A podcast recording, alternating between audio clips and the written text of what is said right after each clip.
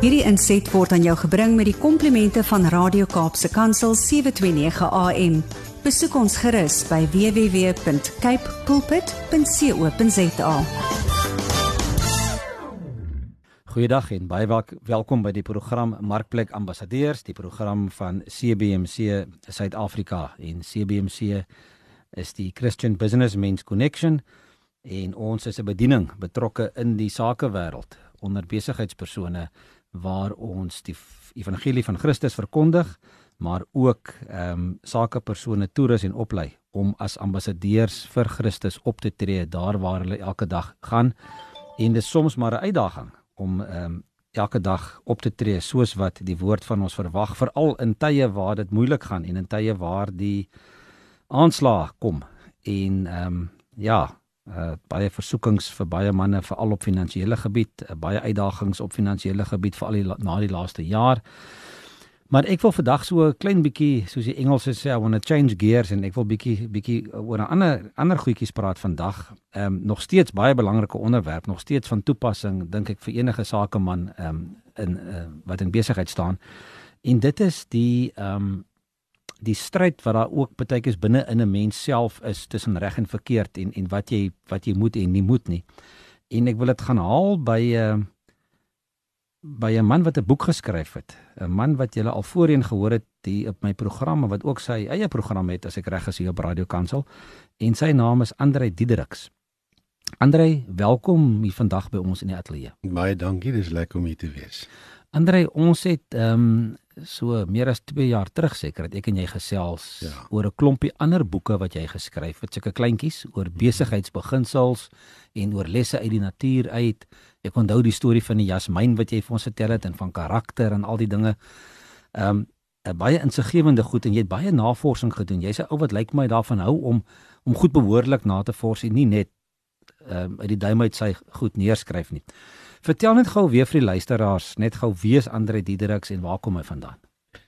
Ja, ek dink jy, jy vat dit raak. Ek is wat is hulle seker noem die ewige student. Ek is baie nuuskierig en ek wil altyd weet wat rondom my aangaan en wat in groter dele van die wêreld aangaan. So ja, ek lees graag, is baie analities en ek dink dis seker maar uh, wat help in baie van hierdie boeke wat ek skryf. Maar net so 'n bietjie terugblaai in my verlede. Ek was ou Meetsel se nasionale bemarkingsbestuurder wat verantwoordelik was vir die sakemark. Dis hoekom ek baie oor sake sake met sake besighede werk. En uh, natuurlik spesialiseer in familieondernemings en al daai soort van goed. Nou ek is so 11 jaar terug as ek weg op my eie om my eie dinge te gaan doen. Ek konsulteer hoofsaaklik vandag uh sakeondernemings en baie gespesialiseerd in familieondernemings. Ek bestuur ook die familiebesigheidsassosiasie van Suid-Afrika. Dis nou kort opsomming oor die dinge. Dan uh, wat my skrywery betref, dit gaan nie net oor boeke nie. Ek skryf ons nou maar vir jare artikels ook. Ek het nou die dag het hulle opgetel al meer as 2500 artikels gepubliseer oor die laaste 25 jaar. Hm. En dan my boeke, boekskrywery het begin in hier in 2002 het 'n mutual boek geborg met die naam Whirlpool of Change. Will South Africa survive or thrive in a new economy? Dis net hoe ons die draai so gemaak het met globalisering en ek 'n boek geskryf het of is Suid-Afrika gereed om te kompeteer in die globale omgewing en wat die voorwaardes is om suksesvol te wees. Nou daai boek het nou gebeur en daar's later 'n boek gepubliseer in 2007 met naam People vs Profit wat nou maar meer gegaan het oor wie beheer wat in die wêreld. En daar was 'n redelike, ek wil amper noem 'n geestelike verskywing wat in my plaas gevind het van 2002 tot 2005 of 2007 waar ek in 2002 met Whirlpool of Change baie pro-globalisering was en gesê het ons moet net bykom. En in 2007 het ek met ander oë na hierdie goed begin kyk en gesê daar's voor- en nadele aan globalisering. Dit hou nie net voordele in nie. So mense groei deur die tyd. Jy weet, 'n bietjie begin bietjie wyser raak met die tyd. En dis terselfdertyd toe wat hierdie hierdie natuurreeks van boeke met my mos maar gebeur het. Toevallig is die eerste een ook in 2007 gepubliseer, Besigheidsoerwoud of Business Jungle dan.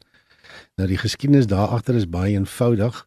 Ek was bederf deur gestuur te word na Taiwan en ander lande in die wêreld om te gaan leer deur ou Mutual in daai jare.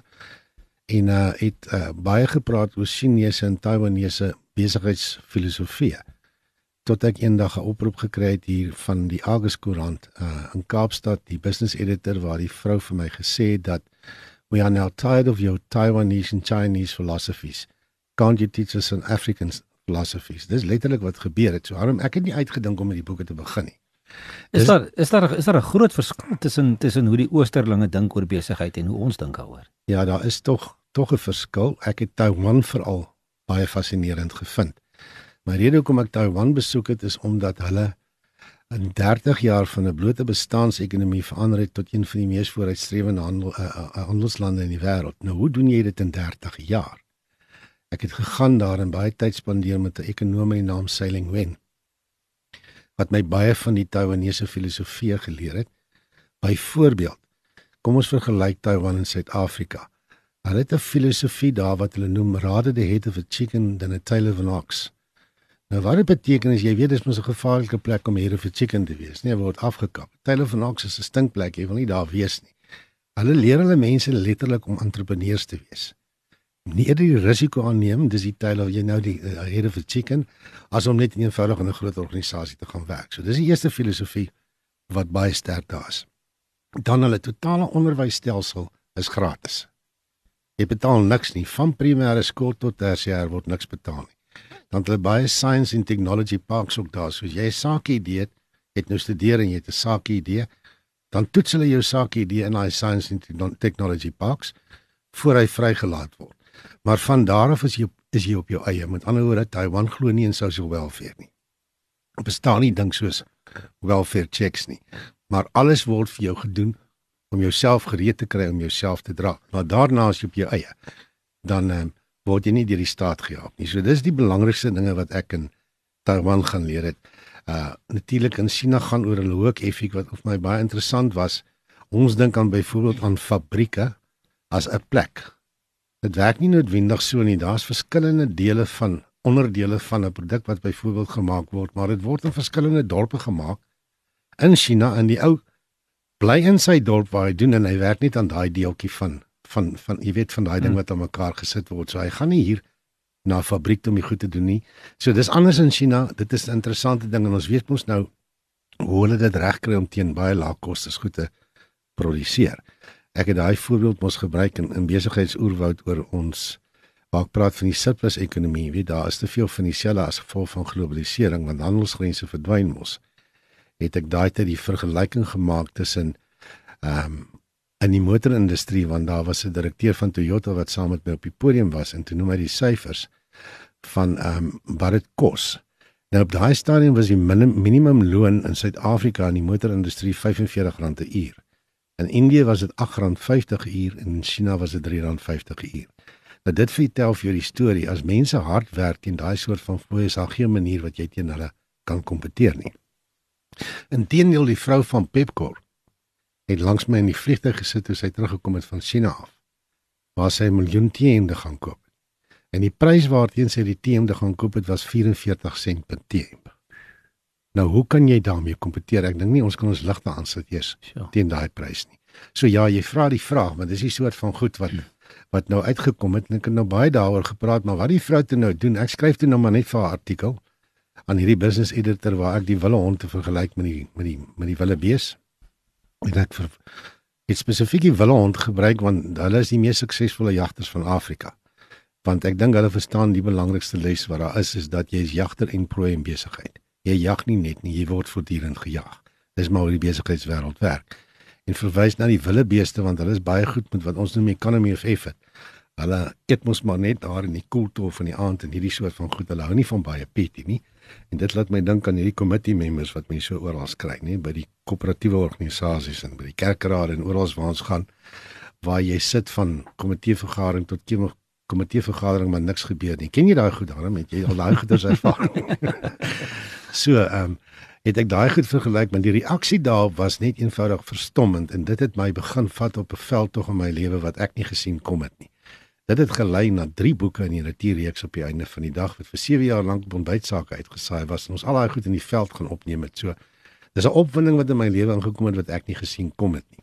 Maar interessant nou, ons is op 'n Christelike radiostasie, so ek wil hierdie goed noem. Ons soort van die Bybel praat van liggaam, siel en gees.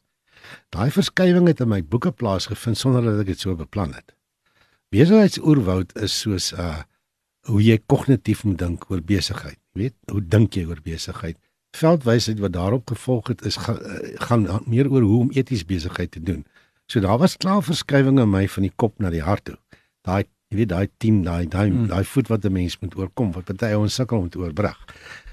Nou ehm um, na leierskapswaardes wys dit die planteryk wat totaal eintlik ver, vergeesteliking is. Is asof ek verskuif het van liggaam na siel na gees sonder dat ek dit agtergekom het amper soos daai voorbeeld wat hulle gebruik van die Holy of the Holies. Jy weet die Joodse tempel van die outer court is nou soos die liggaam en dan die inner court is soos die siel en dan die binnekort waar net die hoofpriester uitgekom het is soos die uh, is, is is soos die siel. Jy weet die gees. Yes. En in elk geval die die laaste boek het ehm um, wat ek doen, ek bestudeer die natuur en dan haal ek ehm um, sakelesse lesse daar uit. En dit het ek met die eerste twee boeke gedoen en soos ek nou 2 jaar terug genoem het seker op die program, die derde boek Leierskapswaardes het ek verkeerd om gedoen. Want hierdie boek se vertrekpunt was hoekom is daar die gemiddelde leeftyd van saakondernemings in die wêreld is 25 jaar. Hoekom dan is daar saakondernemings wat vir eeue en selfs vir meer as 1000 jaar bestaan? Daaroor was ek nuuskierig en toe gaan ek na die oudste ondernemings in die wêreld om die vraag vir hulle te vra. Hulle is natuurlik almal onder 'n familieondernemings. En die antwoord wat ek gekry het was eintlik baie eenvoudig. Dit gaan oor hulle ware stelsel. Waardes wat uh ingeprent word van generasie tot generasie van die uitgaande en jy weet na die inkomende generasie van die manier waarop dinge gedoen word en daar word daarvan nie afgewyk nie. Nou, toe gaan ek terug en vra nou maar wat is hierdie waardes wat jy van praat? het ek nou 10 van daai waardes waarin die meeste van hulle glo, het ek toe nou die boek gaan oorskryf. En dit is goed soos konsekwentheid en regverdigheid, jy weet, en integriteit en die goed. Maar dit het ek 'n moeilik uh, dit ek moeilikheid want ehm um, ek het die ding nou verkeerd omgedoen. Hoe vat ek hierdie ding nou terug na die natuur toe? Jy jy verstaan wat daar met my gebeur het. En ek onthou ek het so 2 weke rondgedwaal en gemediteer en gebid en ek onthou daai een Saterdag het ek nog vir die Here gesê hy moet nou begin help hier met hier fokus want ek kry nou nie hierdie ding uitsorteer nie. Uh, ek teen julle in so tongenetjies vir hom gesê hy moet vir 'n slag op my fokus en die ander mense uitlos. Ek het nou hulp nodig hier. En daai aand te begin ek droom. Ek was 'n jaar voor dit in in Israel daar in Judea gewees. En uh, my drome is altyd onsamehangend. Ek kan nooit regtig onthou waaroor ek droom nie, maar daai aand is dit asof ek in 'n fliek gaan sit of ek na 'n rolprent kyk sien ek myself stap in die woestyn en langs my kom daar bome en plante op terwyl ek stap. En toe ek daar wakker word, weet ek presies wat ek moet doen. Ek moes plante en bome gaan bestudeer en so het ek dit reg gekry om binne 6 weke elkeen van daai 10 waardes aan 'n plant of 'n boom te koppel wat dieselfde properties het as wat daai waardes as wat daai ware het. So it's amazing hoe dit goed met jou gebeur. So hy's baie meer geestelik van aard. Mm. En so die goed nou ontpoppel. Die boeke wat daarna gevolg het was nou bemark of bevark. Nou by Marko Bevark interessant genoeg het ek op 24 al geskryf, maar geen uitgewer wou na my geluister het nie. Wat weet jy nou op 24? Hmm. 30 jaar later, toe gaan skryf ek daai boek weer. Of my uitgewer hou toe van die titel. En hy sê maar hy hou van hierdie titel. Ek het daai boek gaan afstof en gaan afval hier en daar 'n verandering gemaak. Nie vreeslike veranderings nie. Agterkom ek was nie so dom op 24 as wat as wat almal gedink het nie. En daar verkoop die boek toe en dit was rapports een van rapports se vier sakeboeke van die jaar gewees in 2014. En so het dit nou aangegaan en nou die nuutste boek wat ek natuurlik nou gepubliseer het die einde verlede jaar wat nou redelik vas is is A Tale of Two Brothers en dis heeltemal 'n verskywing van my normale sakeboeke af maar ek aanvaar ons sal bietjie meer in detail praat oor oor waar daai verskywing vandaan gekom het. Dis dis juist waaroor ons wil praat in hierdie program en volgende week is oor hierdie boek A Tale of Two Brothers. Ehm um, en dit is vir my Net die voorblad alleen is is interessant en dit maak 'n mens nuuskierig. Ehm um, maar daar was 'n interess daar's 'n interessante storie wat gebeur het hoekom jy hierdie boek geskryf het. Ja. Ja. Jy was so half gekonfronteer geweest deur iemand wat jou half geïrriteer het ja, en toe kom jy tot die ja. So ja. vertel gou vir ons wat het daar gebeur?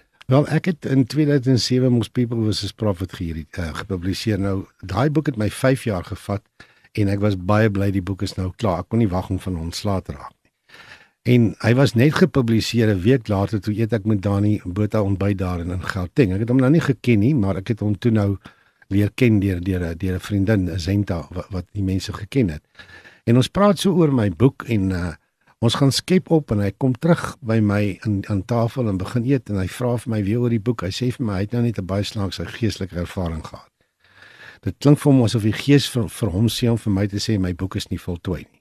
Daarom dit was nie vir my snaaks nie. Ek was moeg vir daai boek. Ek het nie daai sin van humor enigsins en jy nou waardeer nie en ek was redelik aggressief in my reaksie daar gesê as geen manier nie. Ek wil boggel weet hoe kan jy dit nou sê wat jy sê en hierdie soort van goeters. Mm. Hy sê toe ek moenie met hom beklei nie. Dis nie hy wat dit vir my sê nie. Hy sê nie vir my wat hy hoor. Ons gaan so ver in die volgende oomblik toe vra hy van die vraag wat het jy oor Israel geskryf in die boek? En ek sê toe vir hom maar wat het Israel nou met die boek uit te waai? Hierdie is 'n polities-ekonomiese boek oor wie beheer wat in die wêreld. Waar val jy nou met Israel uit? En ek sal nooit vergeet hoe hy so vir my kyk toe sê hy vir my nou verstaan ek hoekom jou boek nie voltooi is nie. As jy nie verstaan dat Israel die episenter is van alles wat in die wêreld gebeur nie, dan is jou boek nie voltooi nie. Nou ek het binne besluit ek gaan weg gaan ek gaan my nou nie daaraan steur nie in hierdie soort van goed maar ek ondersteun ook Bridges of Peace hier in Durban wil. Jy weet hulle help ons hier hmm. om al jaar te maak om ja. terug te kom. Opdrag uit die Bybel aan ons Gentiles.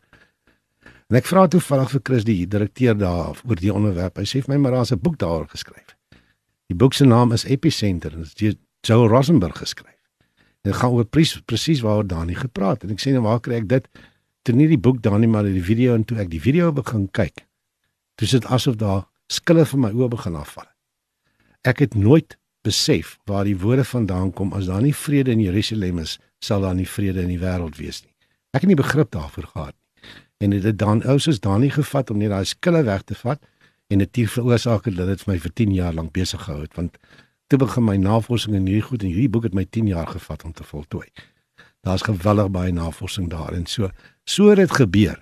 Hier iemand wat eenvoudig dit gesê het en, en dinge my wakker gemaak het en die Here wou natuurlik gehad het moet wakker word en so die boek gebeur. Maar ander hier in die voorwoord van die boek of in in waar jy nou die boek eintlik ehm um, sal ek nou maar sê in sy bemarkingsdokument skryf jy 'n interessante stuk van jy en jou seuns wat wat Europa toe was. Hmm. En en jy wil of gaan wys dit waar julle waar julle voorvaders en julle oupas en oumas vanaf kom daar uit Duitsland uit. Ja. En toe gebeur daar 'n ding met 'n mes wat ek nogals gewaardeer het toe ek dit hmm. lees want ek het dieselfde oorgekom eendag met 'n kurktrekker wat ek vir persent gekry het in my sak was en ek ook by sekuriteit gestop was met hierdie ding en ek het net gesê maar ek weet nie wat dit is nie ek ek het nie so iets by my nie tot hulle vir my op die kamera op op die op die die die foto wys en sê maar daar is jou tasse binnekant ja, daar lê die ja, ding baie duidelik. Ja. En ek het totaal daarvan vergeet. En heel onskuldig, maar dit moet ook laat deurgaan uiteindelik. Hmm. Vertel gou vir ons net vinnig die storie van daai Messi. Ja, dit is 'n verhoring van gebed gewees, né? Ja, kyk een van die karakters in die boek is Andrew Dietrich en jy het dit nou klaar weggegee want dis nou ek, want dit het regtig met my gebeur wat daar gebeur het. En ehm um, maar dis alles in die derde persoon geskryf. Onthou dit nou maar duidelik, né? Nee dit word nie in die eerste persoon gedoen nie, maar wat my gebeur het, ek het my seuns gevat op hierdie roete om hulle om hulle te leer waar hulle familie vandaan kom. So ons is Duitsland toe want ons kom van Lüneburg af. En natuurlik ons voorsaat is Friedrich the Great. Dis waar Diedrichs vandaan kom van Friedrich af. Nou hy het uh uh hy het uh, eintlik Italië oorheers uh, hier in die jaar 489 en sy paleis en sy graf is daar in in, in Ravenna in Italië en is toe soontoe maar nou is ons terug Engeland toe om hierdie kyk hulle het mos nou hierdie ligte wat so vuurwerke oor nuwe jaar wat hulle hmm. so doen. Dit was wonderlik geweest en van daar af was die planne dat ons met die Eurostar gaan Frankryk toe. Maar ek dink toe nou nie daaraan dat ek hierdie klein knipmesie vir my seun gekoop in Livigno waar ons gaan ski. Die ding is mos nou maar my tas is nie soos 'n vliegtuig waar jou tas inboek nie. Die trein op die trein bly jou tasse by jou. En dit was net na daai bomme so ontplof het in Londen. So almal is baie sensitief. En toe begin daai liggies aangaan en sirenes afgaan. Dan maak my tas daar oop om hierdie klein knipmiesie uit te haal. Maar ek meen vir Suid-Afrikaners dit mos nou niks nie. Jy verstaan. Hmm. Het hulle nou te kere gegaan. Ek word net daar gearresteer en dit is nogal op 'n Vrydag en hulle sê vir my ek moet nou in die tronk sit tot die Maandag. My jongste seun is 12, hy's nog 'n diabetes, my oudste seun is 17. Die welsyn gaan na my kinders kyk en nou sê ek buite myself as 'n pa. Jy kan nou vir jouself indink, nê. Nee. Hmm. En ek sê nee, maar daar's nie meneer nie. Ek onthou ek het eintlik letterlik vir die Here begin skree dat hoe kan hy hierdie goed in my lewe toelaat? Hy weet wie ek is. Hierdie hierdie is nie reg nie. Hy, hy moet intree hierso. En ek onthou die Engelsman die het die die die polisiestasie so 10 meter buite die buite die treinstasie en ek onthou die polisieman het my gevra what are you mumbling about? En ek onthou dit vir hom sê I'm not mumbling, I'm singing the Lord's and his angels upon you this is not right. En ek onthou hy het vir my gevra as jy 'n Christen te sê ja, want hy chips tog geword toe ons by daai polisiestasie insit beklei daai selfe polisieman om my daar uit te kry, die een wat my gearresteer het. Sy baas wil niks weet nie. You have to need and you know know the, the laws of a country when you enter and all daai goeders wat hulle kere gaan. Hy beklei tot hy my daar uitgekry het. Hy het gehardloop met my, het my twee seuns gevat. Ons is nie eers weer deur die Johan nie, ons is reguit in want ons is te besig om die trein te verloor. En uh, hy het ons net betyds op daai trein gekry ek sal nooit vergeet dat ek op die trappe van daai trein staan om dan omdraai om hom dankie te sê to save my don't thank me thank the lord. Ek het baie missioneel geraak op daai oomblik en ek gaan sit daar natuurlik het ek nou begin bid maar die trane het geloop oor dit was 'n groot skok wat oor my mm, gekom het. mm, mm. en daar het ek vir die eerste keer in my lewe woorde in my gees gehoor at tale of two brothers. En ek het vir Here gevra gaan dit nou oor hierdie ondersoeking goed wat ek moet doen? Waar kom hierdie naam vandaan? Hy het my nooit beantwoord op daai stadium nie maar hy het my later deur ander maniere het hy my beantwoord soos julle in die boek sal sien. Andre, dit is baie interessant. Ons tyd het uitgehardloop. So ek wil graag hê jy moet volgende week terugkom en dan gesels ons nou oor die boek A Tale of of Two Brothers want ek dink dit is 'n geweldige interessante storie en ek kry eintlik wondervleis as ek net dink aan dit ons bietjie gaan gesels hieroor. Maar maar baie dankie vir vandag en dan gesels ons volgende week verder. Baie dankie, dis lekker. Ons groet die luisteraars tot volgende week. Totsiens. Hierdie inset was aan jou gebring met die komplimente van Radio Kaapse Kansel 729 AM. Besoek ons gerus by www.cape pulpit.co.za.